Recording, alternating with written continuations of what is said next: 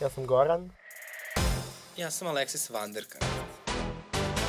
Dead.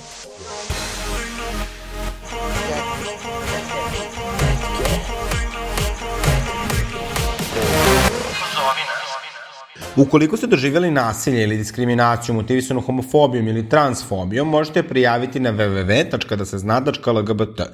Popunjavanje upitnika je potpuno anonimno, ali ukoliko ostavite svoju mail adresu, tim da se znaće vam ponuditi psihološku i pravnu podršku. Dobar dan i dobrodošli u još jednu epizodu Tetki, sa nama kao i uvek ja, Goran i... Grandiozna Alexis Vanderkant. Ali imamo i u ovoj epizodi jednog divnog gosta, u pitanju je pre svega Lutkica, a onda i šta si ti? Jevrejn, biseksualac, aktivista, uh, twitteraš, Uh, dosta jedna generalno problematična osoba uh, sa velikim bicepsom, izuzetno mršava, skinny legend. Uh, šta još imamo da kažemo o njemu? Samo, samo jednom reču čovjek koji zna da radi svoj posao, Stefan Šparavalo. Jel ti se sviđa najava? Nije loše. Može i bolje, ali da? Lepo je buhvatio sve što treba. Dobro, ovo je za Sve obuhvatna. Uh, jedna, jedna, znaš, kako to, znaš kako to kažu? To je najviše volim kad se sa nekim raspaljam. To sam pokupio od moje drugarice Sofije. Kad ti neko pošalje dugačak mail na što je dao. Samo da kažeš hvala na iscrpno mail. Hvala na istaknuo najavi, Alexis. Ja sam te najavio, nije Alex. okay. Ne može Alexis da uzima zasluge i za to. Uh, to je sve zahvaljujući meni, dakle, prosto tu nema dalje dileme. Kako si, Stefane? Evo malo umorno, pripremam se oko selidbe, ali uvek raspoložen za tetke. Molim lepo, eto, i Stefan Šparavalo kao jedna maskulina lutkica e, biseksualnog opredelenja, da dođe da ga ugostim, evo da ne kažu da smo bifobični. Uh, samo još neku lezbiku da dovedemo i posle ne, niko ne, a dobro, ne, nismo li nikoga koji je trans, jel da, do sad? Nismo, nismo. Znači, znači, dobro, moramo da čekiramo još te dve, ovaj, ovo, Vi to duplu manjinu imate, sad ste čekirali... da, da, i ješe, da, da, evo, ako sluša ovo neko iz jevrskog lobija, mi smo otvorene za donacije. E, što bi rekao Miloš Bojanić kad je išao u jevrijsku opštinu da se izvini zbog govora mržnje u dvoru. Ja da mrzim jevreje. Ja obožavam jevreje, svi znaju da jevreji vladaju svetom. Tako da eto, tu smo, čekamo Jel čekaš i ti, Goksi? Čekam i ja. Čekam. Ove, ja bih sada da naznačim da se evo mi nalazimo u mom toplom domu, koja je sada već, evo, 2. decembra okićen, danas je Britnin rođendan, prosto uživamo u ovoj božićnoj atmosferi. Špravalo, a, jel tebi teško ovaj, što ne slaviš Božić? Pa nije mi teško zato što u isto vreme ili približno isto vreme pada i Hanuka. Ali ne kitiš jelku. Pa neki tim jelku. Pa jel bi volao da kitiš jelku? Pa nemam neki entuzijazam oko toga. Znaš kad Charlotte, ovaj, uh, jesi gledao seksi grad? Naravno. E pa kad je teško da se odrekne Božića, mislim, ja ne znam baš. Neko, ok, ta, sve Hanuka, to poštojem, i to krofe, i to sve da se pale svećice, ali mora jelka. Ja sam prost čovjek, meni to ne treba. Hanukija, odnosno menora sa svećicama, to je nekako lepo. Krofne, E, zato ono kad je... Ja sam i, i, i, i Kosovo i Evropska unija. Kod mene može sve. Samo da se dobro jede. Eto ono, jednom kad su, ovaj, kako se to kažu, kad se sastavlja novi parlament, pa se peva ono himna. Vlada se sastavlja, šta se sastavlja, ne znam, nije ni bitno. Uglavnom, tad je Čanak još bio poslanik, kad kaže, pevaj Rasime. Ali znaš zašto je to bilo? Pa zato što je pre toga ono Lja, Ljajić Ljajić nije nije pevao himnu. Znam, ali meni je to neko... Ja sam neko volao ovaj, taj humor ovaj, Nenada Čanka. Sve to bilo neko zabavno i smešno. Ovaj, Koštunica doktora Vojislava Ilić, magistar da, bukvalno u prošle Da, godine kad, vidjeli. I onda kad se Čanak i, uh, Čanak i Šešelj sreli u liftu, to je prosto, tad je krenulo, znači tad smo doživjeli vrhunac i tad je krenulo sve da se rasipa. Ne, znači, znate ono kad je nešto Velja Ilić pričao o kvalitetu vodu u Banatu, onda kaže ovaj, Čanak, kaže, ne znam kako uopšte magistar Ilić može da priča o kvalitetu vode. Da li vi, magistar Ilić, uopšte pijete vodu? Pa koliko je neka skupština bila zabavna? da, da i pokojni Velja Ilić. A sad više nema niko da se posvađa. To. Što bi rekao ovaj, Aleksandar Šapić, politika za novo doba. Mada moram da priznam na početku, na, na samom početku naprednjaka je Skupština i dalje, i dalje bila zabavna ono kada a, Gordana Poplazić i a, Vjerica Radeta kada... Da, da, to kad su te tek napred, da, da, Da, da, da, žene udovica đubre jedno. Da, a, kada kunu ovaj, a, Tomislava Nikolić. Tomislava Nikolića. Da, da, ali sad to znači, sada je samo Vjerica Radeta ostao dobro. A šta, šta se Gordan Poplazić? Niko ne zna što. Niko ne zna. Ova Nataša je prešla sada i ona u SNS posle toliko godina. Ovaj, znate, znate šta, ja mislim da bi transfer, zapravo pravi transfer bio Vjerica Radeta da pređe u SNS. Ne mislim da je toliko lojalna Šešelj da to nikad neće uraditi. Da, da, meni je ovaj, priča od moje drugarice otac da ona zapravo bila u SPS-u i tada je radila u opštini Zemun i promovisala nešto SPS, pa zbog toga Šešelj kaznio. I onda je ona tako nešto prešla ovaj, u SRS i od tada je lojalna Šešelj, ne znam, užas. Ako budemo snimali srpski hokus pokus, oni Šešelj definitivno mogu da glume. to mi sada palo na pamet. Ali danas se desila jedna zapravo baš strana stvar koja mene čini jako srećnom, a to je da se reditelj Stevan Filipović autovao na Twitteru. Jeste ispratile?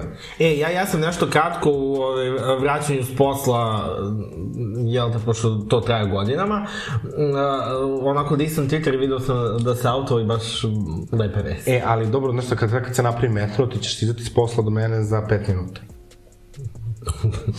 koji metro vodi, koji metro vodi do Zuca, ja, ja te molim. Pa evo, mi ćemo predložiti sad iskoristiti priliku ako može jedan, ovaj, uh, jedan metro od Zuca do Zvezdare. Jedna Može, linija. Eto, mi bismo bile zahvalne. Apel jevreskom lobiju. Eto, da, jevrijskom lobiju, ako može. Ovo je sparavalo rekao, ja se Moj ograđujem. inače predlog je pre par godina, pred 10 godina bio zapravo da Sandra Miličenko, pošto je toliko bogata, da ona zapravo Srbiji donira metro, ali kao što vidite moj predlog nije usvojen. Jebi ga. Ali to bi bilo baš onako lepo, mislim da bi svi bio volili. Zamislite, metro Sandra Miličenko. Pa, Ja da imam toliko para, ja bi dala. A ja mislim da ti, e, ja mislim da ti treba da da prosto tu energiju usmeriš na nekog drugog. Recimo DDJ da nam izgradi metro. A mislim da ona nema, nije toliko bogata. Sandra Miličenko je milijarderka. Ja ne znam da li Didi ima bar i milionče. Ima sigurno. Naći će Didi. Mi, misliš, onako, da- onako, ali da bude, ali onda bi morali metro stanice onako da budu sa njenim slikama, Naravno, sa svim magazinima koje je kreirala da bude na naslovnoj stranici. Dobro, ja sam volao DJ na početku. I LA to- Style Mix i ovaj novi. Kako zove ovaj novi? Što Ja, je? ali taj postoji stvarno. Aha, znam onaj prvi LA Style Mix, ovaj, ona je bukvalno kreirala, ona je bukvalno kreirala časopis koji je izdala jedan broj u Čekaj Americi da se, znači, bi... jel može nekad neki drugi pedar da budu u centru pažnje ove emisije? O, o sada konkretno Stevan Filipović. Dobro, ajde može. Neka mu bude. Jesi ti ispratio? Jesam. Ti sigurno mrziš Stevana Filipovića. Pa ne, ne mrzim. Zato što ti prozivaš uvijek sve levičare, ovaj, gejeve na Twitteru. Pa ne, ima tako neke malo on pristojniti momente, tipa ono, kao iz 2010. kad se ljudi gade, onih ljudi koji se krste u autobusu, kao, to je tako 2010. mislim, kao, who gives a fuck. Ali za ovaj potez zaista mu skidam kapu, to je baš hrabro, mislim. Kao svi mislimo, mi koji smo autoni, mislimo, prihvatimo ako to zdravo za gotovo, ali ipak čovjek koji je jako prisutan u javnoj sferi. I generalno, malo je ljudi u javnoj sferi Srbije da se auto i baš respekt I ne samo to, nego prosto Stevan je, ovo mislim, stvarno kreirao neke jako važne filmove. Sad ja ne znam koliko recimo to za Goran je malo mlađi od nas, ali za moju generaciju se recimo to sam baš i danas s, s njim pričao, ove, kad je izašlo šišanje, recimo še, šetanov ratnik isto, ali šišanje, znači ja sam bio toliko zaljubljen u Nikolu Rakočevića, Znači, ja sam venen, da ne pričam da sam ga uhodila ovaj, po nekim tamo fe festivalima, gde sam bila, koliko sam bila, ovaj, a, prosto, znači, ne, ne, ne, ne znam, i onda sad ovaj pored mene, to je kao ono potpuni klinič hit, sada izlazi i drugi deo i tako dalje, mislim da je stvarno fenomenalno i evo, a, snada da krenu ljudi da se malo više auto i pogotovo javne ličnosti koji imaju toliko privilegija, pa da nam malo svane. E, ali inače što se tiče moje generacije, Šeitanov ratnik nije, nije baš nešto bio popularan u mojoj generaciji, ali bili smo baš, baš klinci. Ali šišanje jeste. Mada ja moram da priznam da nisam, da nisam ogledao ni jedan ni drugi film, ali to je zato što sam ja vrlo što se tiče gledanja filmova, ne da kažemo oskudan.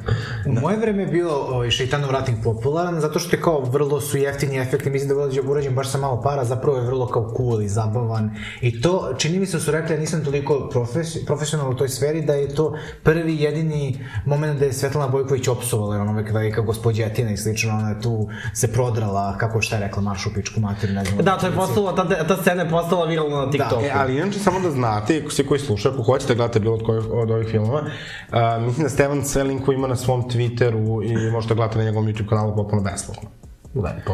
Eto, kako neko ipak pravi levičar. Kapa dole. Ovaj, e sad, a, pored Stevana Filipovića, još jedan peder je ovaj, potresao srpski Twitter ovih dana, a to je niko drugi Jesam nego... to ja? Ne, ljubavi. Ali ličite. Deda Mraz. dakle, a, norveška poštanska služba izbacila reklamu da. u kojoj, a, koja se zove kao kada je Harry upoznao Deda Mraza, valjda tako se zove.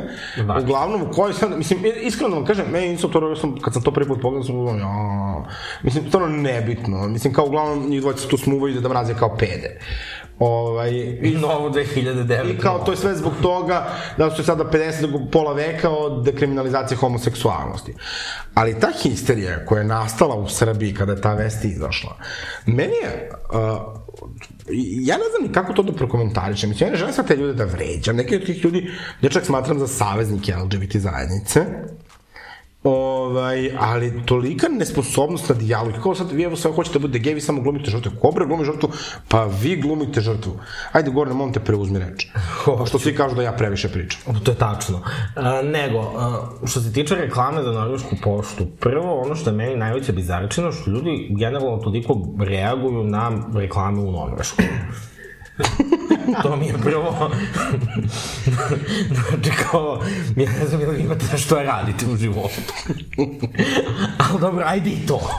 Ajde i to što reaguju na ono novogodišnje reklame u Norveškoj, to i nekako da progutam. Ali onda kad krene, kad krene kako Deda Mraz, Deda Mraz je za decu, vi se bolesno seksualizujete. Ja mogu da pročitam nekoliko tweetova? Možeš, slobodno, evo, preuzmi reč opet. Seksualizovati bilo šta što Da je za decu. da, znači dao si mi reč na 3 sekunde, Samo ajde, nastavit ću, nastavit ću. Važi, važi. Seksualizovati bilo šta što je za decu je pogrešno. Takođe, decu ne zanima da li je da mraz peder, samo ih zanima da im donese poklone. Znači, nebitno je i prestanite da kmećete što je da mraz vas da bio straight, matori, debeli lik. Will somebody think of children? Bukvalno, to me potrebno sam Ovo je toliko nebulozno, jer seksualnost da mraza nije nikada bila bitna. Jebo vas Deda Mraza, ostavite bre decu da budu deca, ne treba da znaju sa šest godina koliko su rodili pola pustih bre da jedu sline i razmišljaju kako se zemlja okreće oko sunca, koga bre boli kurac za rod, kad treba da nauče bukvalno kako se koristi viljuška. Ja sam sa šest godina, boga mi, znala i viljušku i nož i kašiku. Isto. Izvo, izvini Goran što sam te prekinula, sada nastavi pa će ono da mu reći šparavu. Na kao, jako mi je bilo vizarno to što, ja sam recimo prokomentarisao kao, ok, seksualnost Deda Mraza nije bitna, sve dok Deda Mraz nije peder, ok. I onda su oni tu mene ono kao nešto napičili i sad kao, kao ličine loži se Deda Mraz ne postoji, a bukvalno kao vi se ložite, vi se bukvalno ložite na, na to kako je Deda Mraz predstavljen u, reklami za Norvešku poštu. Ja, ja, stvarno, ja stvarno nisam očekivao da ću ikada u životu morati to da izgovorim, da se neko loži oko toga kako je Deda Mraz predstavljen na reklami za jebenu Norvešku poštu, kao koji vam je kurac ljudi. Ne, ali kao da Mraz nikad nije bio seksualizovan, mislim. To je takva laž, znači ono te Deda Mraz ima baba mrazicu, pa te, evo ti si iskopao recimo reklamu za ono potencijal, za one tablete za potenciju. Pa to nisam ja, to dežurni srećko. Aha. To je Ovaj, recimo nevjerovatno kako, znači onda ja, go- ja, ja kad sam bio mali, znači ja sam uvijek pi- pitao roditelje da postoji baba mrazica. I kao, ovaj... me baš to zanimalo. Pa ne, kao interesno da postoji Kako par, ja sam tako... funkcionišu biseksualni umovi. Ne, ja sam razmišljao o nekim kategorijama, znaš, i onda kao kad pogledaš to da Deda Mraz ima neku babu, da ovaj, Miki ima mini, da Popa ima livu, to nije, mislim, seksualizacija, to je kao neka datost, to je nešto osnovno. A čim se izađe iz tih okvira, to je seksualizacija, mislim, ja sam baš pogledao tu reklamu, nešto je ne marimo kod te reprezentacije queer ljudi u filmom i kinematografiji što god, i onda sam pogledao tu reklamu, kao nije oko emociju ostavila na mene, ali kao u jednom momentu samo kao gde taj Deda Mraz kaže ono, dao sam nekom drugom da radi da bi proveo vreme s tobom. Mi su se poljubili na, to nije trajalo ni 10 sekundi. Kao, Gde je tu seks, gde je tu seksualizacija, dakle sve što Ma čak nije go- Ja se tako s bratom ljubim.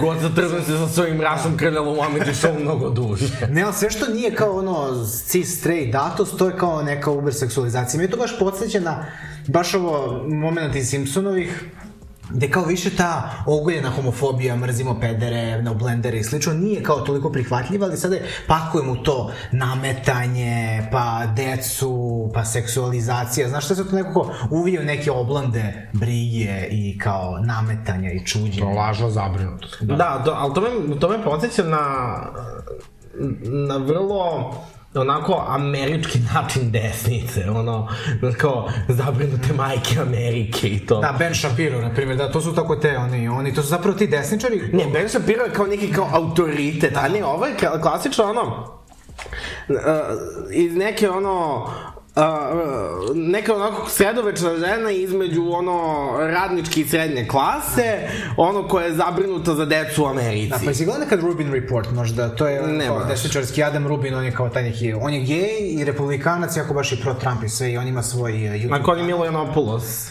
E, e, ne Kao- toliko agresivno, ne, ne, Mike Yanopoulos je banovan bukvalno sa svega zbog svoje transfobije užasne, ono, užasno govor mržnje, ali...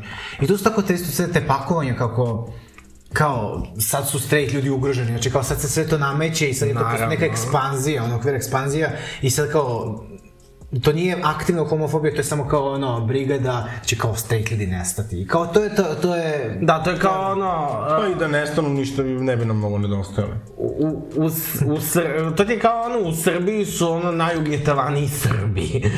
Da, da, da, najteže biti Ne, Srbin ne, u ali Srbiji. znate šta je meni sad tu posle sve, znači količina gej likova koja se tu uzjagunila i količina kao nekih uh, straight riba koji su kao saveznice. Sad, ono što je kao moj problem ta, dakle, nesposobnost da se spusti lopta i da se razgovara. Dakle, da te sad nekoga Ja saslušaš, jer kao ti ako realno objasniš kaš ovako, čekaj, upravo to kao postoje dokazi i razumeš da je ono a, Deda Mraz kao imao svoju seksualnost a, svih zadnjih, ne znam, 50 godina ili ko, koliko. Znači, i ne znam, ono, eno, Veljko obučen kao Deda Mraz, pipka seku za dupe, pa Karleuša se nešto pipka, svake godine u skandalu bude neka pevačica. I sad kao ti sve to ne igraš kao, ne, ne, ne, kao, znači, sve to stavljaš po strani, kao ti samo i dalje furaš svoje. Dakle, to je jedna iracionalna histerija, ljudi moraju da steknu kulturu dijaloga ako žele da budu poštovani. U, slu, u suprotnom ćete stvarno biti ti neki debili sa Twittera, kojih ja ne mislim da ima puno, ali to su jedni oni isti ljudi, znači koji su mnogo od pet tema, napadni. od pet tema, znači Kosovo, uh, LGBT kao preteruje, feminizam preteruje, I vakcinacija se preteruje. Uh, pa ne, ne da li su to moguće vakcinacije, pa ne, i svi mrze Srbe.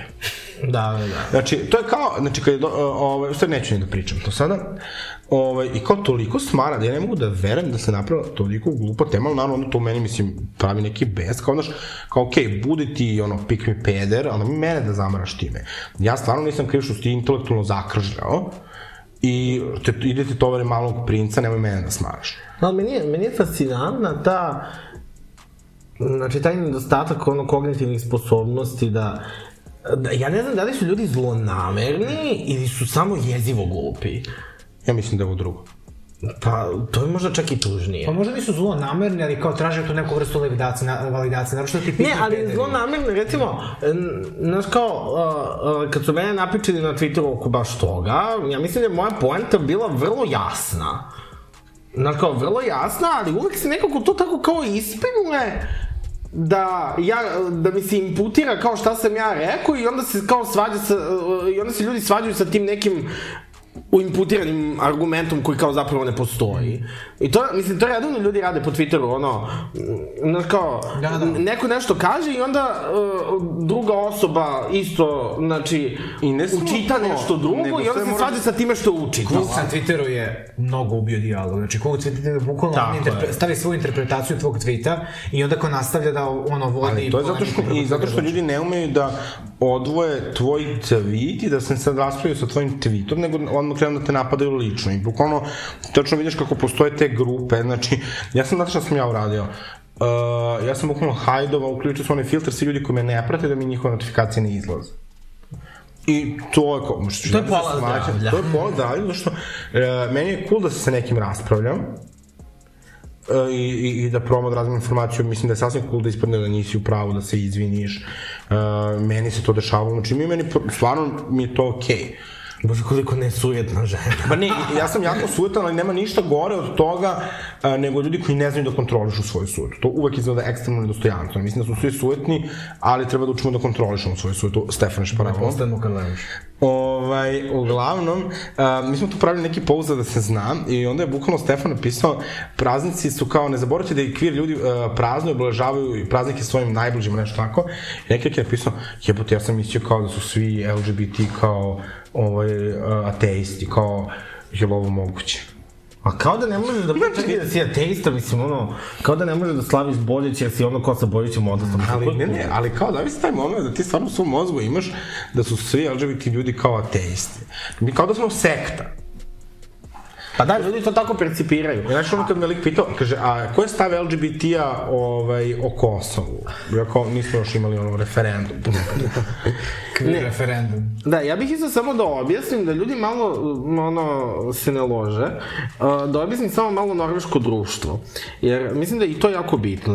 Ove, ljudi su shvatili gej Deda Mraza kao neku neviđenu seksualizaciju. Prvo, Možemo da razgovaramo o tome da li je, da li je poljubac seksualizacija ili ne, možemo da razgovaramo da li je to okej okay ili ne, i takođe možemo da razgovaramo o tome da li se isto percipira kada je neko gej i kada je neko straight, ja bih rekao da ne, mislim tu ne možemo da razgovaramo, to je vrlo očigledno da ne, i da su ono gej ljudi ovde inherentno seksualizovani, čim si gej ti si seksualizovan. Ali zato što oni nas posmatraju kroz to, znaš, da se mi jebemo dupe, da je to naša bit, kao. Da, da, da. A ne da mi zapravo imamo nekakve uh, gej živote sa svojim partnerima koji se ne vrte oko seksa. Jeste, pa to ti je kao, kada je ovaj glavni argument, pa ko ti kao ulazi u krevet, ko ti brani da spavaš s kim hoćeš, kao to je samo, mislim, kao seks je jedan aspekt gej identiteta, kao što je to jedan aspekt i straight identiteta, mislim, ja sam baš ono napisao u tom postu, uh, kao, zamislimo tu norvešku reklamu i zamislimo da su tih par sekundi uh, poljubili baka i deda mraz, da li bi iko prokomentarisao? Naravno ne bi niko. Al, um, nego sad, sad smo malo iskrenuli. Se samo ti da smo ja... sad za mrazom, Gorana. Ne, ali to nije ni tema. Um, sad smo malo skrenuli, ja Što sam samo da objasnim što se tiče samog norveškog društva. Ja, ovaj A to je, pa zapravo se smo skrenuli s tema, hoću da objasnim, mislim da je validna poenta. Priče iz Skandinavije. Sve u falšu, dalje. Uh, generalno možemo znači da razgovaramo o tome da li je nešto seksualizacija ili ne, ali sve i da jeste seksualizacija, samo da znate, mislim kao u Norveškoj to nije neki problem. U Norveškoj seks nije tabu. Uh, znaš kao ti u Norveškoj recimo imaš seksualno obrazovanje od, sad ću da lupim od koje godine, ali od malih nogu. Na, znači od ono... Je li tamo može- pedofilija legalna? može da se meri sa... Ajde, seri. Znaš kad kažu, tamo je pedofilija bre legalna. Tamo zoofili traži pravo. da, da, da. Ove, generalno, znači u skandinavskim društvima seks uopšte nije tabu i o seksu se razgovara sa decom. I isto tako, o, naš ljudi su krenuli da ono učitavaju neke ono srpske narative u smislu jo, kako, kako, ću, kako ćemo da objasnimo deci naravno o, gej Deda Mraza pri tom u norveškoj deci ne moraš ništa da objašnjavaš što se toga tiče jer tamo mislim geji usvajaju decu imaju svoje im, znači kao imaš gej brakove imaš usvajanje dece znači kao svako dete u školi zna nekog zna nekog ko, ko ima ono gej roditelja. Jel imaju metro? I imaju me. Eto, vidite, sad kad smo malo popivali ove pedere koji se... Nazvao Steve A. Jung da kupi da... kao po gej da mrazu. Postoji još jedna grupa pedera koju, ovaj, uh, to nisu samo pedere, ali ovako sam stavila tačku u scenariju. Levičari koji mnogo seru.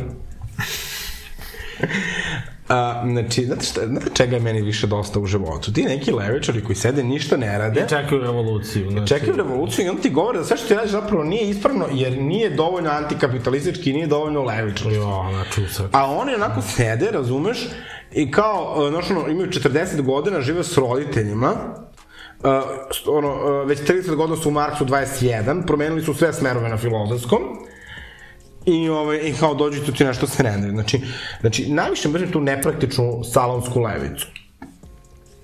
Ma da, to či, čista proseravanja, ali to ti je ono kad, kad nešto kao poznaš u teoriji, a, a ono uopšte te ništa drugo ne zanim, mislim...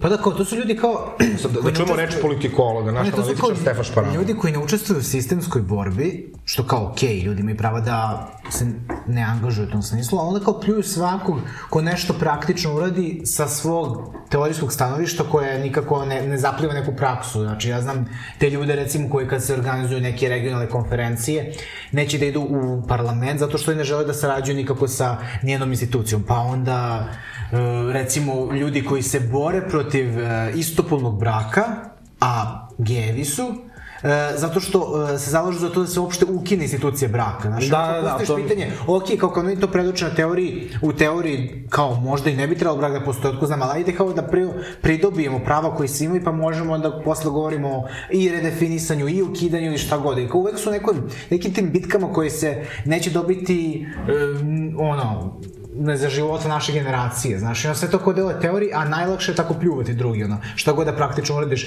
da li ćeš da sarađuješ sa nekom institucijom, da li ćeš da, uh, nemam pojma, odeš u parlament da prezentuješ svoju priču ili šta god, i ta, kao ta pozicija je najlakša i meni to, ono, baš lame. Da, do, to mi se sviđa samo što si po to sam isto htio ja da pomenem ti ono, ljudi koji kao nećemo, nećemo gej brakove jer je kao brak svakako prevaziđena institucija, pri tome mislim, brak ima vrlo, brak kao institucija ima vrlo realne posledice na, na kao na tebe, mislim. Dobro, ali oni mislim kao u smislu kao svi treba, ne treba da uđeš u brak da bi imao zdravstveno osiguranje, da bi mogao da kupiš stan, dakle to je sve što, ja se slažem sa time, ali mi samo prosto moramo da imamo jednu drugu svest, a to je da mi živimo u nekom kontekstu, ne živimo u nekom praznom prostoru da kaže šta vi želite, evo sad samo vi samo pomislite kao ono meta, kako se zove, znaš, vi sad samo pomislite kako se ono Ana Bučević to zagovara, Vortex, e, vi samo zamislite to će da se stvori, evo, hoćete revoluciju tekstilnih radnica, evo ide, ne, znači, nego prosto živimo u sistemu u kojem živimo.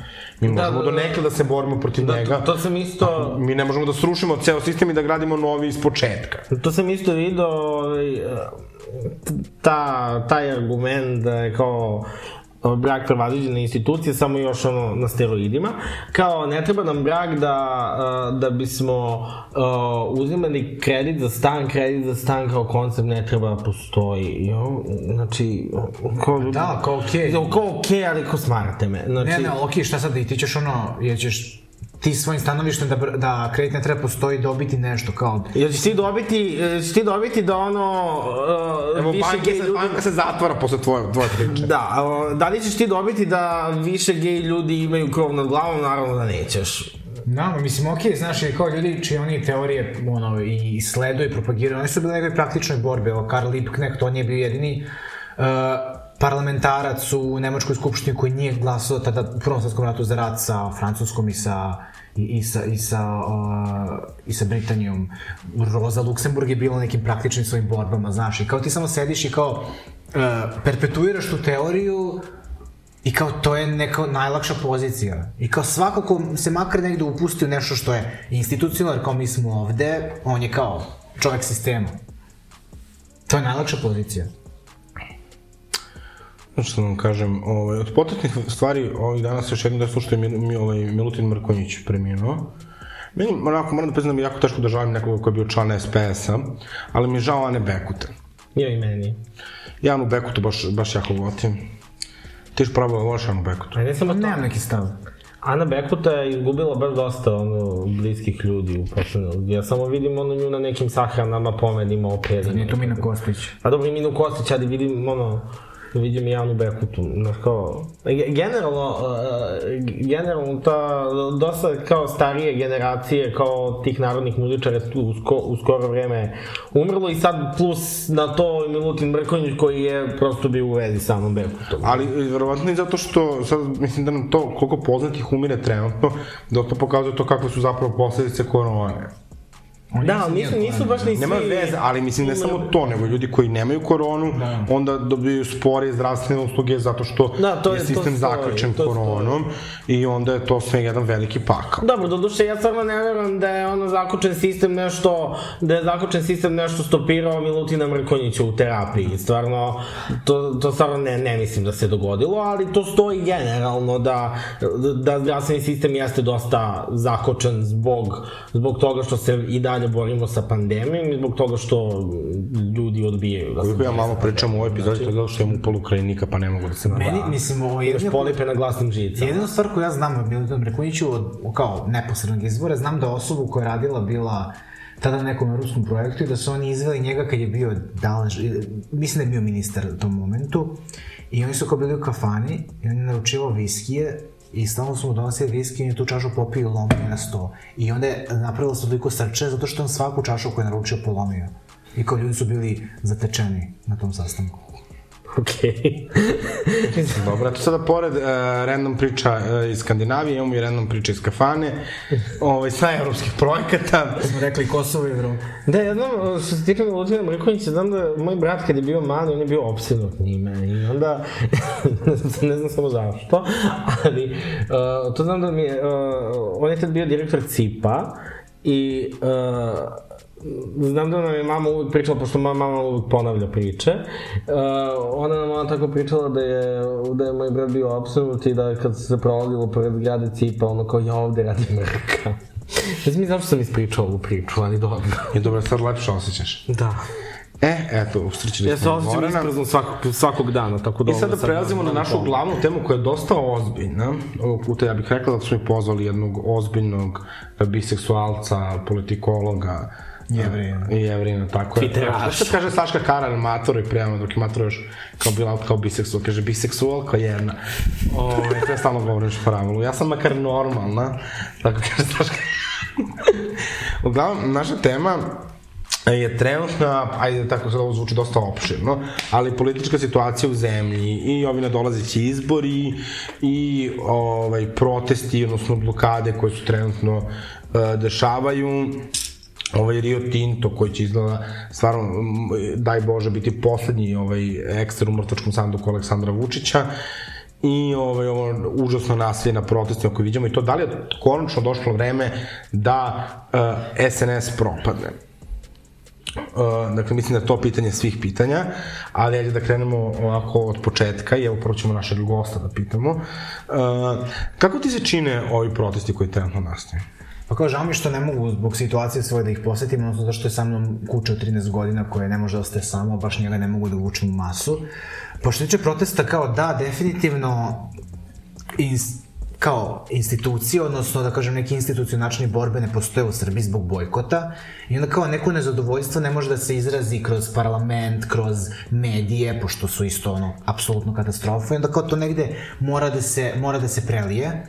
Sad, Pitanje je da li će to nekako politički da se kapitalizuje, u smislu da li će iz tih svih protesta nastati neka grupa koja će izaći na izbore, koja će uticati neku promenu. Do sada, nažalost, je bilo tih momenta, kao što je bilo jedan od 5 miliona, kao što su bili uh, protesti uh, zbog ponovnog uvođenja lockdowna, koji se nije na kraju dogodilo, ali nekako e, situacija malo eskalira, onda Vučić uspe da ugasi vatru. Mislim, on je kao definitivno vešti, ima definitivno sve poluge vlasti. Sad vidim da počeo je da zateže sa, e, počeo da zateže sa time da li će potpisati ovaj zakon o ekspropriaciji ili ne. Kao rekao je dalje da razmišlja, iako je parlament osvojio. Mislim, za naše slušalice, ako znate, parlament kada usvoji neki zakon, predsednik mora da da paraf, odnosno mora da ga potpiše i predsednik ima pravo da vrati zakon nazad na ponovo usvajanje i u slučaju da ga parlament ponovo usvoji, on mora da ga prihvati. Ali kao, to bi možda bio neki moment da ga, da ga, da ga vrati nazad u skupštinu, jer ima neke problematične aspekte, tipa da bukvalno privatnom investitoru može da imovinu nekog stranog investitora može da imovinu ne, ne, imovinu privatnog lica koja se smatra da je od javnog dobra i da mora da se ekspropriše, odnosno da se uzme, što mislim, nažalost u Srbiji se zakoni pišu mnogo za strane investitora, kao što im se lupavaju gomilu novca. Tako da ne mogu da baš predatim šta će dogoditi, nisam siguran da li će, mislim da će se videti baš narednih uh, nedelja, vidjet će se sigurno bavimo ovog vikenda kako bude, da li će Vučić da gasi vatru, ja mislim da mu definitivno nije, odgovo, nije, nije mu palilo ovo da šalje nasilnike, šalje svoje naplaćene odrede. Ali sada će slati panduraciju koliko ja vidim i mislim da će to samo još više da razgali ljude što je, možda nije nije loše. Jer ja sada stvarno mislim da mi smo svih ovih godina kao nekako, bar gledam za sebe, neću pričam u vaše ime, ali uvek bilo kao okej, okay, ali kao tu su nekakve problematične ljudi na tim protestima i to. Sada moram da priznam da bar od političke elite nema, znači evo ga Boško Bradić još nije došao da se tu nakarika, što je jako dobro, nadamo se da neće.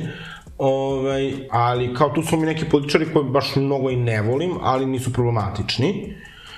I kao to što se sve dešavalo prošlog vikenda na protestima, da neko kreće čekićima, da ide motkama, da oni dolaze ove, škodom, na čistom škodom kojom se vozi uh, pre, predsednik opštine Šabac ili šta je već, gradonačelnik Šabca, to je uh, na toliko nivoa sramotno i nedopustivo.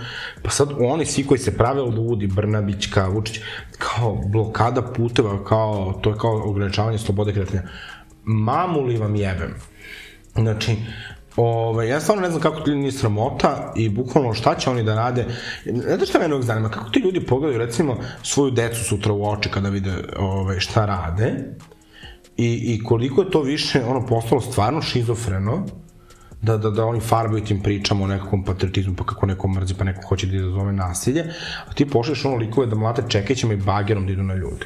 Znaš što mi je vjerojatno kao manji mesti, mislim, svim mestima koji nisu Beograd, kao generalno koliko je ono, koji je to nivo antipolitike, kao da bukvalno vlast ko pošalje Vjerojatno klince koje prati po ono, 2-3 dinara, da idu motkama da tuku ljude, kao ono, su bukvalno ono plaćenički odredi, to su... Naravno, klošarčići koji se ono nešto tu lože. Pa ja znam ljudi, mislim, ja znam tako isto nekog klinca koji kao je, je strašno veliki patriota, ovaj, pa je ono kad je Putin dolazio, dobio 2000 dinara da ide da aplaudira. Ovaj, mislim, to je tako, sad patriotizam se na kraju svede na, na dnevnicu 2000 dinara, izvini, kako si? Ja bih samo da, da se nadovežem na, na obe priče i, i od Aleksic i od Stefana. Što se tiče Aleksis, pomenuo si da da li ovo možda poslednji, poslednji ekser u sanduku SNS-a. Ja moram da priznam da nisam toliko optimističan i da to uopšte nije slučaj. Uh, jer uh, očigledno ono što Vučić voli da radi i bar neki moj utisak da ono kao pipava teren da vidi dokle može, koliko može i onda kad vidi da nešto može da eskalira baš onako loše, loše po njega e onda sad on kao tu nešto pregovara i sad kao ja neću ipak razmišljam da li da potpišem taj zakon uh, i, i tako dalje i tako dalje. To je isto recimo samo u onom suprotan smer uh, to je, mislim nije ni suprotan smer nego prosto za drugu ono za drugu grupu ljudi uh, isto kao nek, neki vid promocije. Recimo za zakon o istopolnim partnerstvima. Pa to kako je, ako se usvoji, on sad kao kalkuliše sa biračkim telom. Tako da, mislim da on, on je veš što se toga tiče, sad ću da se nadovežem na Stefana ono što je rekao da je on jako veš. I jeste veš što se toga tiče, ali nije ni on toliko vešt koliko mu se opozicija vrlo lepo naguzila. Podcast Etke radi se uz podršku da se zna i remarke. E, sad kad smo krenuli oko opozicije, hajde malo da se pozabavimo i time. Ja nekako mislim da ranijih godina, uh, to, to mogu da kažem za sebe izlašparavala, sad ne znam da li, da li ćeš ti složiti sa tim, ali mi smo kao uvek nekako kao bilo fazonu, kao dobro jeste Vušić loš, ali kao i opozicija strana. Da smo stalno kao nekako stavili taj znak jednakosti, ali mislim da je sada uh, više nego ikada jasno da to baš nije jednako i da nije opozicija baš toliko loša. Dakle, kada kažemo opozicija, ne mislimo na Boška Obradovića, dakle, to je čovjek fašista. je bilo. Uh, i, dobro, mislim da oni su stvarno, mislim, ljudi šizofreni. Ove, što bi rekla Biljana, uh, divergentni. Neuro, Neurodivergentni, ja se izvinjam, dakle, Alexis Polo pismena.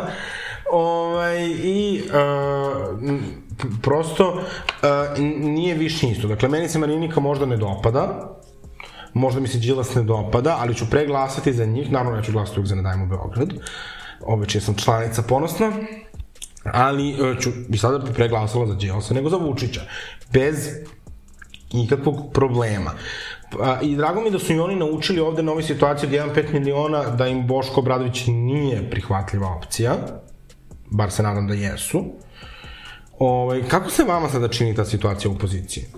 Ne pa, Ja smatram negde, e, negde da, znaš kao ako ćemo pravimo tu kao neku, kao da kažemo, kišobran koaliciju, da kao ruši Vučića i tu treba da postoje nekakve, mislim, nekakve granice, ono, ne šuruješ baš sa svima i svakim, znači, no, znači, Boško Obradović ne može, dosta je bilo, ne može. Na, znači, ne, što bi, kad, kad je bilo ono, tipa, da li, Uh, na RTS-u, dati oko magazin, šta, šta god, mm -hmm. ne ono gde kao sučeljavanje. Reč na reč. Ne, reč na reč, nebitno. Uh, kad je bila reč na reč, pa, pa su tu gostovali kao neki članovi, članovi opozicije, pa je bila, bili su iz, iz SNS-a i bila je i Dara Kisić-Tepavčević i onda se pričalo o koroni i je to, Biljana Srbljanović je napravila ogroman status gde je kao komentarisala sve to, pošto ona tako voli da, ovi, da izrentuje ono, da, da napravi kao live prenos programa.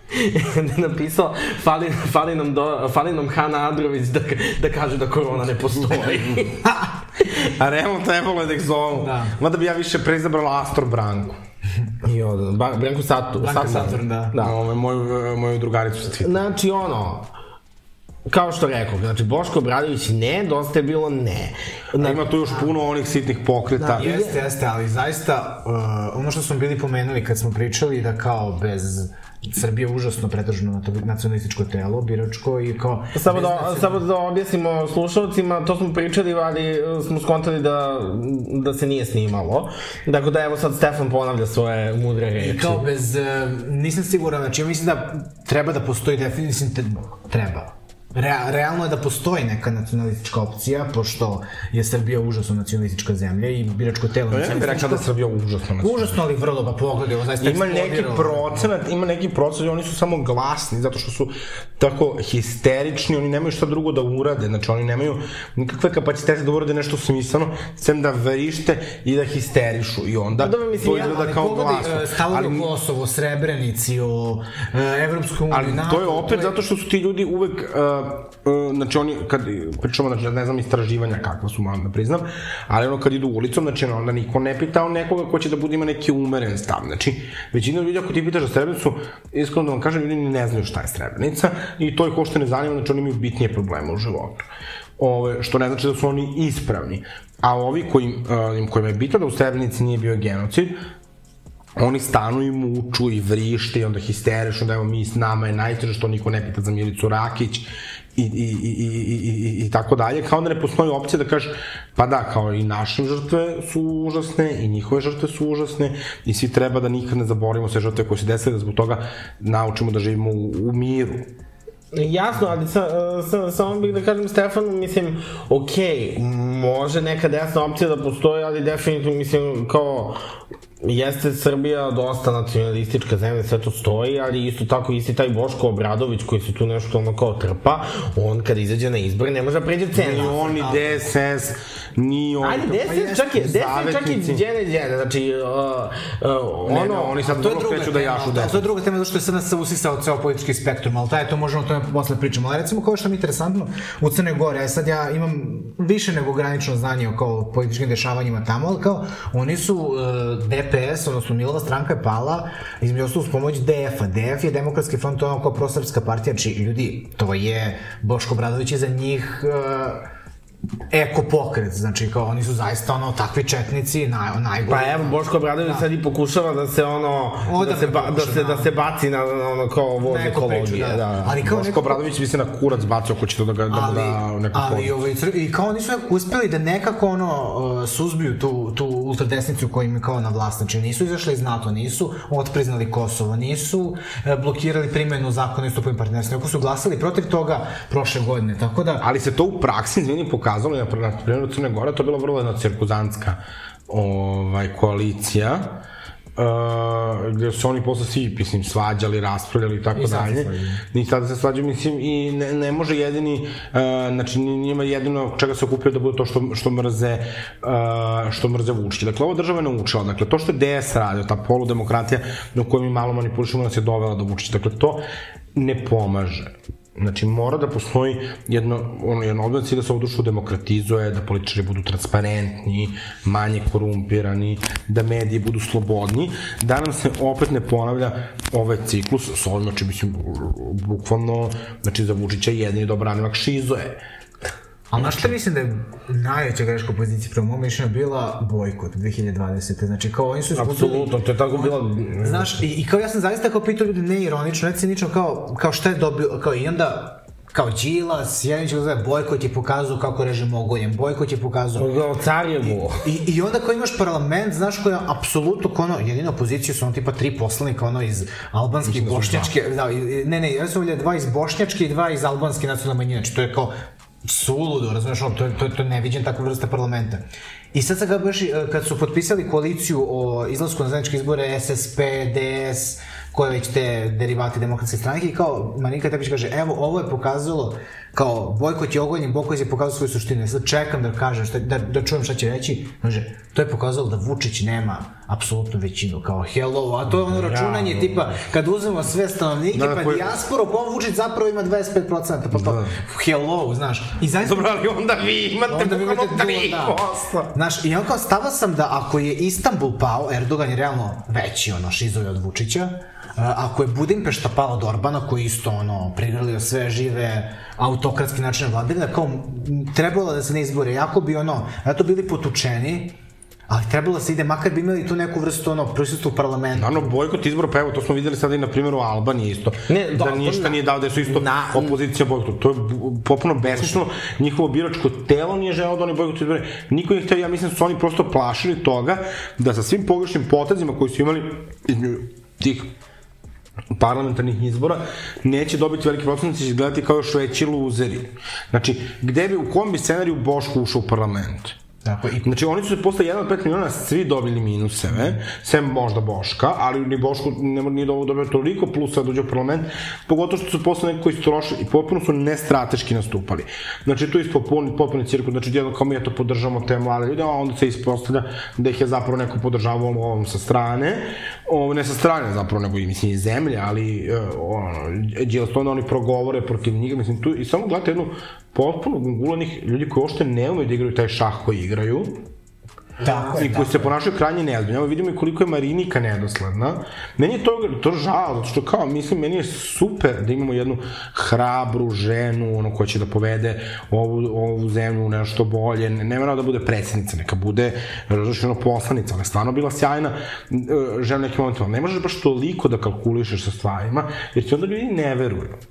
Jasno, s druge strane, ako je već uh, opozicija ujedinjena, ja mislim da je Marinika kao predvodnica te liste izbor. Super, ne, ja se slažem. znači mislim da je okej izbor. Ja nju ne volim, ali mislim da je okej izbor. Ja čak i nije da je ne volim, ono kao definitivno umem da je iskritikujem, ali stvarno Marinika nije osoba z- Nećete ču, ču, tu, oj, uh, tući čekiće.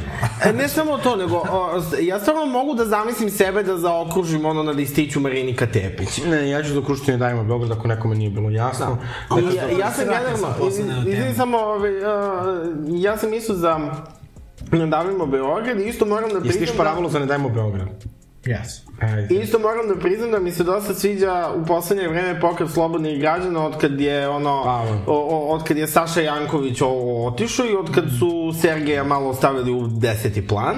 Trebalo bi znači, realno da ga izbace. Trebalo bi, trebalo bi da i da ga izbace i onog mu tog Saša Jankovića on se sam povukao, hvala Bogu. Pavle Vrbović je dobar u nas. Da, Pavle, ka Pavle Grbović stvarno je o, o, političar sa perspektivom i nadam se da će, nadam se da će, e, da će ostati dosledan sebi. Pa ja mislim da za sada oni jesu, znači evo videli smo, oni zaista podržavaju neke stvari koje nisu popularne u Srbiji i to je odlično, ja zaista mislim da se tako grade uh, neke ozbiljni uh, neke ozbiljne opcije, tako što prosto ljudima govoriš iskreno zašta jesi, pa ćete onda oni vremenom upoznati, reći, aha, pa dobro, ovi ljudi su super. oni Da, su da, da, ne kao ono, jurimo vlast po svaku cenu pa se onda dogovaramo šta je politički. I ono što I vrlo lepo komuniciraju. Da, i ono što je kod Pavla super, uh, jeste činjenica zapravo da on jako mlad.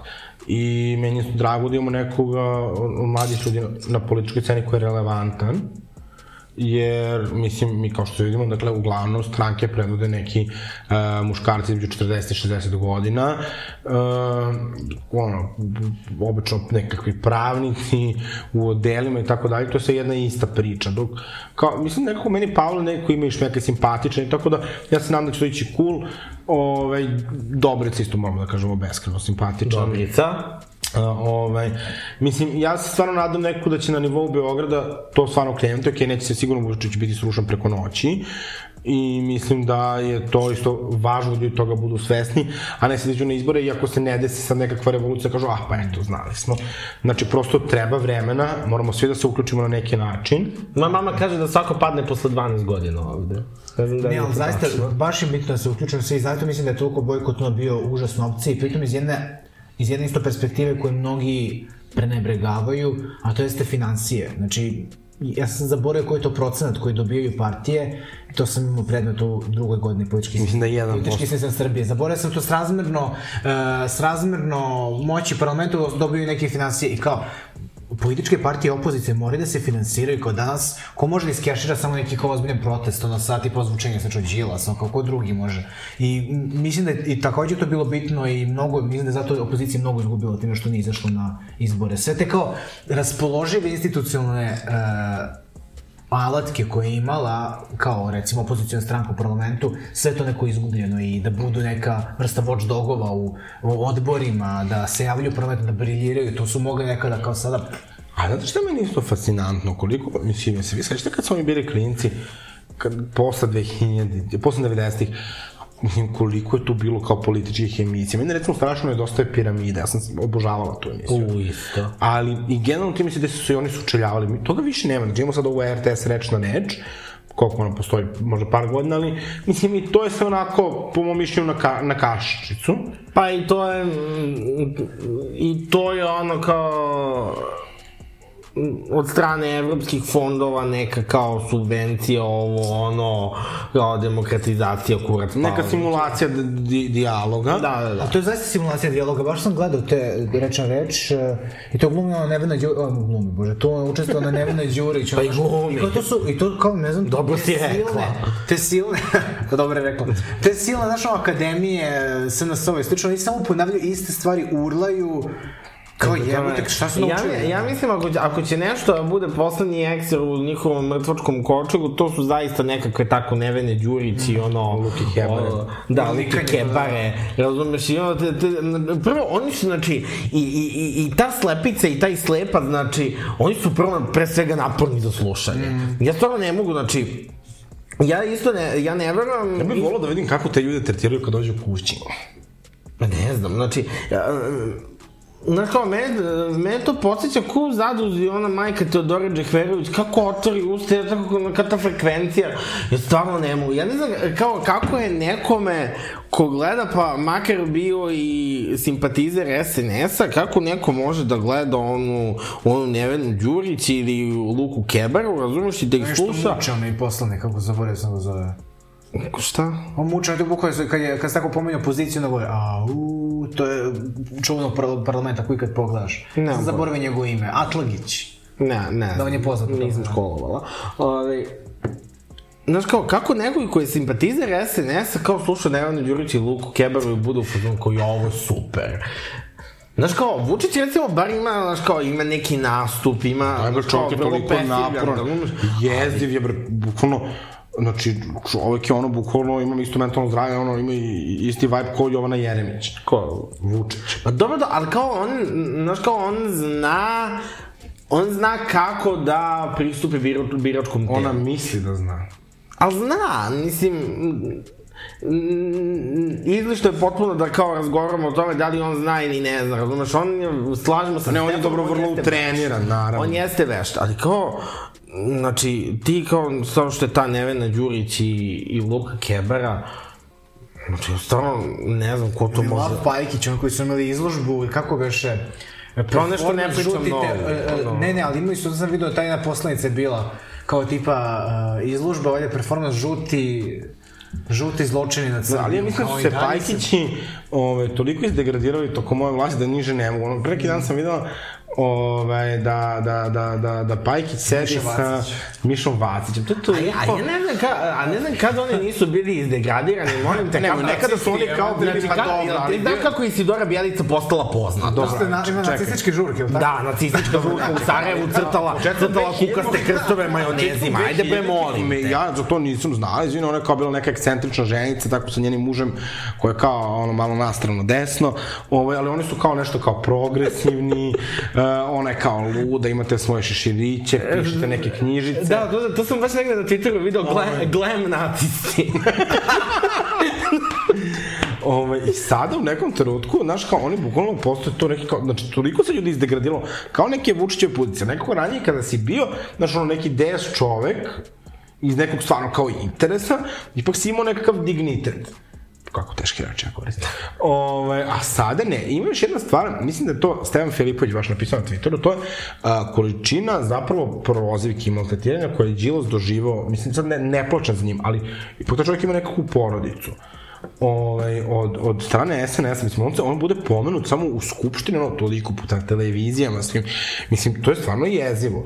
I onda kada... A mislim da će im to, da će im i to biti Znam, jako veliki minus u smislu, uh, znaš kao ti ako toliko kao radiš anti-kampanju nekome, to je nekom drugom biračkom telu kampanja. Jeste, ali znaš šta je stvar? Da sutra to dovede do nekakvog direktnog nasilja po da neko uzme neki, razumeš, Vučiće fanatik da ga rokne, da, da, da, da ne želi, jer oni su napravili sliku, znaš, da on čovjek sve pokro, mislim, ja su to, u tu krađu među političarima jako slabo razumem. Znači, ja samo verujem u nekakve presude, sada ne bi verovao ni u presude ovoj, ovoj zemlji, ali, znači, ako je neko kriv, ajde da se to dokaže, ako je krao, da se dokaže na sudu. Ovaj, jer kod nas uvek, to ja od kad znam za sebe, to su ti naslovi po novinama, ovaj ukrao ovoliko, ovaj ukrao onoliko, ovaj proneverio par tamo. Ja se stvarno u ekonomiju ne razumem. Ovaj, ali, uh, onda, brate, uzmi pa ga osudi. Mislim, prosto i jednostavno. E sad ima tu još jedna ekstremno važna tema oko koje se dosta ljudi podiglo, a čini mi se da nekako pokušavaju da učine antipolitičkom nekapirajući da je to toliko debilno, a to je Rio Tinto. Ja moram da priznam da je meni ova tema, nadam se da Stefan više zna o njoj, pošto ja sam nešto, mislim, ok, ja, ja sam protiv, Zato što ja kad nemam vremena nečime da se bavim i onda pogledam ko je za, ko je protiv. I onda kažem, pa dobro, ajde, bolje ću da budem protiv, kad ono su svi ljudi koji ja gotovo ne dajemo Beogradu, znači protiv, ne znam, tako neki citaš, da kažem, pa bolje da, znaš, da poveriš svoj glas nekome. Ovaj, ali, mislim, očigledno, mislim, kreira jednu veliku, ovaj, pro, pro strah, uh, a onda, mislim, i, i, i bes.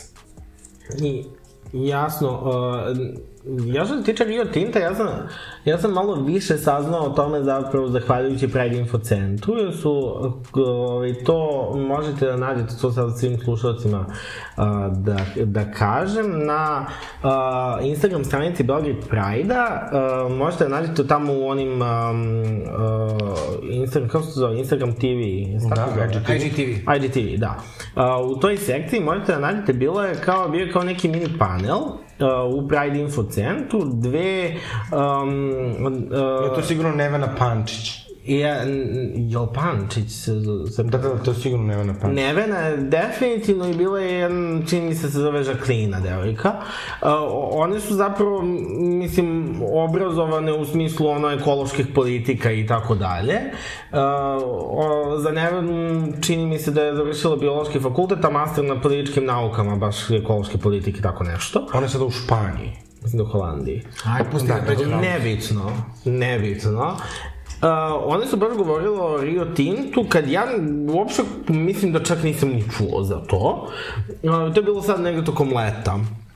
I uh, zapravo sam tu saznao do, dosta toga o projektu i kao šta su zapravo problemi, a problemi su uh, definitivno da uh, generalno uh, rudarenje, ono, ono sad što kao pokušavaju da nam prodaju priču kao... Jadarit. E, e, ma dobro to, nego uh, e, da kao ekološko rudarenje i tako dalje, da ekološko rudarenje ne postoji. Uh, I da rude generalno kad se, kad se rudari, to ostavlja jako velika jalovišta I isto, um, uh, prema našem zakonu, rudna renta je jako, jako desetostruko manja od rudne rente u zemljama Evropske unije, recimo. Tako da, čak i ono što se izrudari, od toga privatan kapital će da dobije baš mnogo, a to neće baš nešto mnogo biti oporezovano. Kaže Karleuša da je taj jadarit isto kao uh, kriptonit. Naravno. Tako da to su ono neke glavne stvari zašto je Rio Tinto problematičan. Meni je mnogo drago da sam čuo tu perspektivu jer ono, ne bi baš mnogo da slušam perspektive tipa... Naša neko- deca neće... Da, ovo, naša deca i ono, Zemlja. Srbija nije na prodaju E, to, i ono, kako već ono, tipa taj negde dosta je bilo blok, ono, Ja isto vole da, isto kad sam malo zagrebu po argumentima, ovaj, mada im- sam čitao jedan blog gde, koji zapravo nije uopšte ni apologija Rio Tinta, da oni su upoređivali te standarde koje će Rio Tinto, to bože, ispoštovati sa e, ovom e, fabrikom, zaboravio sam ime, koji prave Ziđin kod Kinezi, kod Bora, gde su kao ono, sulude potpuno cifre, kao zašto se jedan put tolika pažnja ne usmeri na Ziđin, a tolika je na Rio Tintu? I onda kao ljudi, neki teoretičari iz Avere kao pričaju da zapravo Vučić pušta najviše buvu protiv e, toga da bi pokušao da uvali jadarit e, ovaj, e, kinezima. Sad ne znam, to je opet teorija zavere,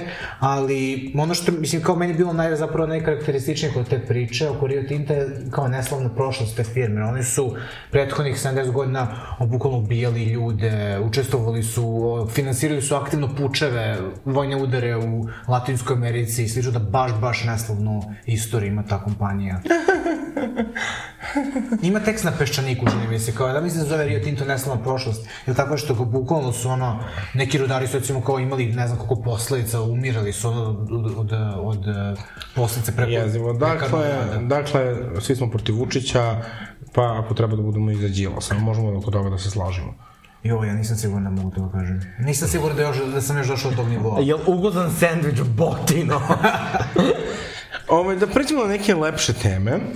Uh, Kriptonit. I Karleušino botovanje. Jo, gospode, da jeste to ispratili, ono... To je jako neprijatno. Jako, ne, jako neprijatno i kao toliko, uh, kao, sav integritet Jelene Karleuše, sa, znači, ona se svakim svojim Instagram postom ili Instagram storijem, ona se samo dublje i dublje kopa, znači, tek bizarčina mi je bila, Lakše će biti da iskopate taj jadarit nego, ovaj, nego Jelenu Karleušu. tek bi- bizarčina mi je bila u, Njen dignitet. uh, znači, u RTS-ovom prilogu Jelena i prvo, da, znači, go- A iza pesma Danica Crnogorčević. Da. Veseli se molim da Karlo uradi cover ove Veselice Srpske. Ja baš volim to Veselice Srpske rode. Ove, možemo da snimamo unplugged verziju u tetkama. E, znaš zašto je cool ta pesma? Tako neki postoje Samo nemoj ti da pevaš, Posto, postoje biti- neke kao nacionalističke pesme, slično koje zapravo prihvatljive zato što nema klanja, ubijanja, ustaša, šiptari, slično kao ono samo se veseli, kao tu se pominju neki ličnosti iz istorije, slično kao to je još i prihvatljiva pesma među... Onda meni je uvek čip kako ljudi pokušavaju onda kao na tim pesmama da pridobiju simpatije, koliko ih je ljudi pevao tako ono zvezdama Granda i to. Ali dobro, bože moj, mislim, ljudi se bore za svoje parče hleba. Ali da pređemo na našu poslednju rubriku, to je Bravo ličnost. Uh, u prošloj uh, u prošloj nedelji uh, za Bravo ličnost je pobedila Britney Spears Tako je. po drugi put, dakle šta da vam kažem, prosto kraljica tetki, morat ćemo da zovemo kod nas u emisiju. Ovoj Britney, ako ovo slušaš, dođi, čekamo te. Dođi pre opre. E, ovaj, uh, Gorane, ko je tvoja bravo ličnost?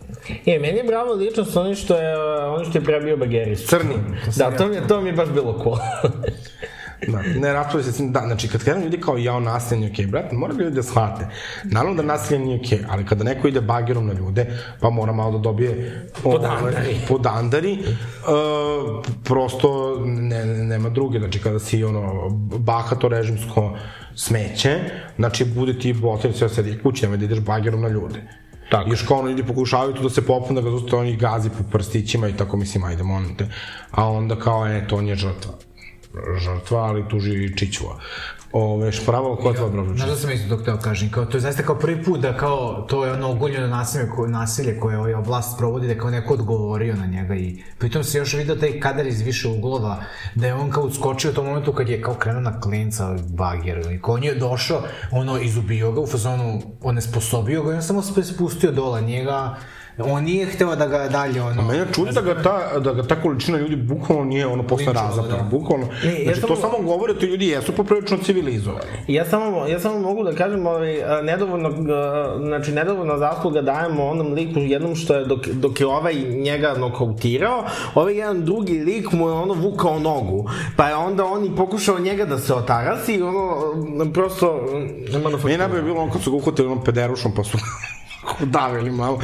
Ovaj ne, ne, znači ja sam potpuno ovaj, za to. Znači, na body ga. da mrzimo policiju, znači oni policajci kako se ponašaju, znači to je sve, nema dobrih policajaca, to su sve... A znaš ko ovaj, trebaš da se pomene na tom protestu? Ona žena što je e, teglom zimnice, punom teglom zimnice zveknuo u glavu onog lika s bateža. Nisam to vidio. Čuvena scena. ni to nisam vidio. vidite scenu, postoji još linka, znači, on bukvalno ona je ko ide, recimo, normalno, njega udalje na desetak metara, kako su oni tuku sa strane, ga zvekne punom tegle, ovaj, teglu na zinici koja se rasprsnuo staklo, se samo kao gega se Ja samo želim da vidim ovaj, i, i, i Branku Satru, pošto je ona postao potom da se tuče na protestima, da rašiba nekog pandura tašnom u glavu i ja ću nastaviti da je podržavam dok god nije u parlamentu.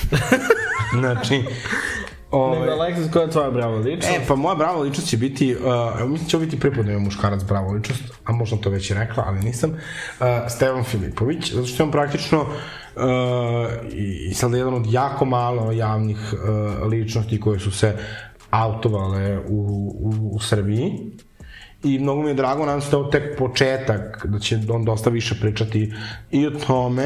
E, mislim, Stevan je već dosta angažovan kao umetnik e, i vrlo je glasan u svojim stavovima i možda ja uvek ne slažem sa njim, ali jako cenim to.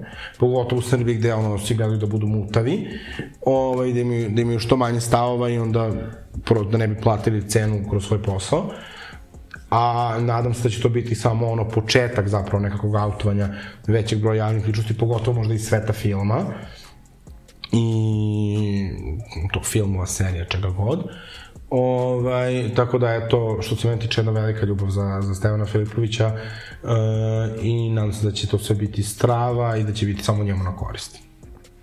Inšalah. Ovaj, a mi ćemo vam poslati da e, glasate za bravo ličnost na našem Instagramu i Gorane, da li imaš ovako neku e, pesmu, ovo shodno našoj glavnoj temi, ovi protesti to? Ju. Jel može Vidovdan? Ne. Što? A Crnogorčević? Ne. Veseli se srpski rode? Ne.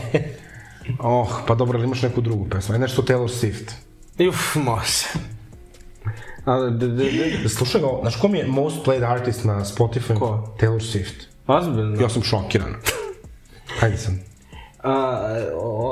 Trenutno slušam ove, ove njene pesme sa ovog predstavljenog albuma Red, ove, o, ove, ove pesme što, ove From the, from the Vault. Ajde, I knew you were trouble. To nije From the Vault, a može. Nema veze, ajde. I knew you were trouble when you walked in. So shame on me now. I flew me to places I've never been. Now I'm lying on the cold hard ground. Ah! Ne znam Stefan, to mislim, on- mislim da on slušao i ka Taylor Swift. Da. Eto, hvala vam e, na vašoj pažnji, hvala ti Stefane što si bio naš gost i što si postao počasna tetka. Ovaj, uh, budite dobri, uh, blokirajte grad, budite neposlušni i mrzite policiju.